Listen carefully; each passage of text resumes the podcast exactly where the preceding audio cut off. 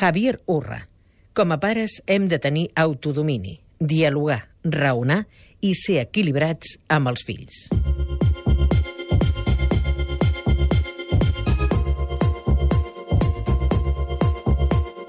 La relació entre pares i fills sembla que és conflictiva per naturalesa, perquè els pares han de posar límits, han d'educar, i educar vol dir passar d'un comportament espon, espontà, mal, mal entès espontàniament per passar a un comportament regulat, conscient, responsable.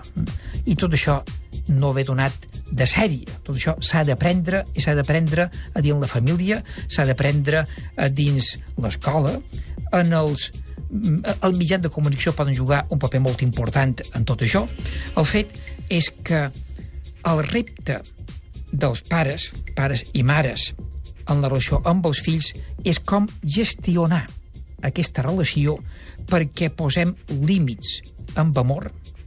Quan anem a dir alguna cosa, hem de pensar sempre.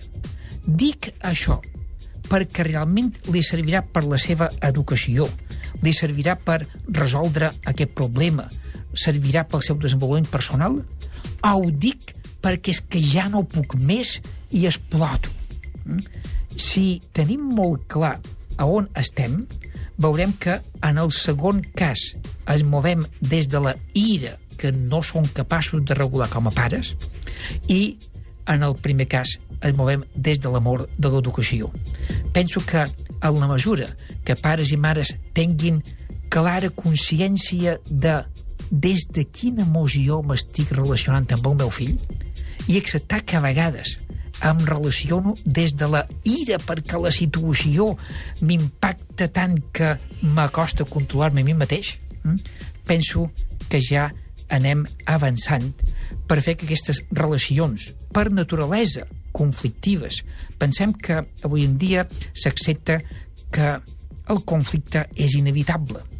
El que hem d'aprendre és a resoldre els conflictes positivament i tot això, aquests programes sobre l'ofici d'educar poden ajudar moltíssim per donar pistes de com aquesta relació sigui educativa, posar límits amb amor i mantenir relacions positives amb els fills malgrat el que suposa l'educació.